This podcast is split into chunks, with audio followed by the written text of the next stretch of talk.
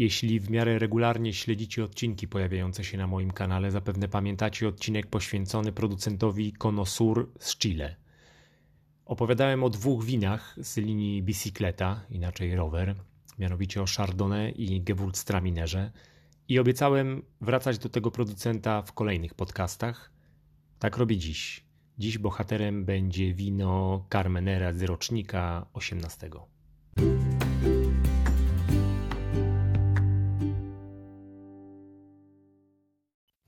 Dziś krótki wpis. O winnicy już co nieco wiemy, o klimacie też Wam opowiadałem. E, dzisiaj skupiamy się po prostu na etykiecie. Wino zbudowane jest z 85% szczepu Carmenere. E, pozostałe 15% to w informacji technicznej podanej przez producenta inne szczepy. Ach, to Chile. E, uraczeni zostaniemy malinami, jeżynami, gdzieś w tle jest truskawka. E, wyczujemy czarny pieprz, a 9 miesięcy starzenia w stalowych tankach spowoduje, że będziemy mogli poczuć kakao, kawę, e, mokę.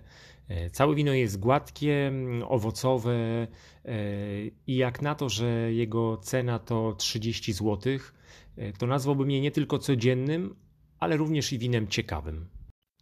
Dochodzimy do momentu, w którym należałoby sobie odpowiedzieć na pytanie, z czym możemy je podać.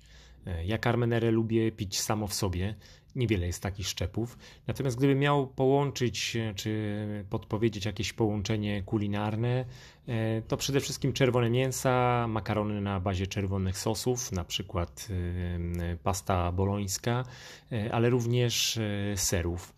E, gdybym miał zaproponować jedno takie absolutnie jedyne połączenie, śmiało wziąłbym tę butelkę. Przypominam, mamy tutaj etykietę za 30 zł. E, śmiało bym wziął ją na e, wiosennego grilla. Będzie to fantastyczne połączenie, na przykład z karkówką, czy z innymi mięsami, które po prostu będą dochodziły na spokojnie na grillu, czy na przykład nad, nad ogniskiem. Chcecie podsumowanie w jednym zdaniu? Proszę bardzo.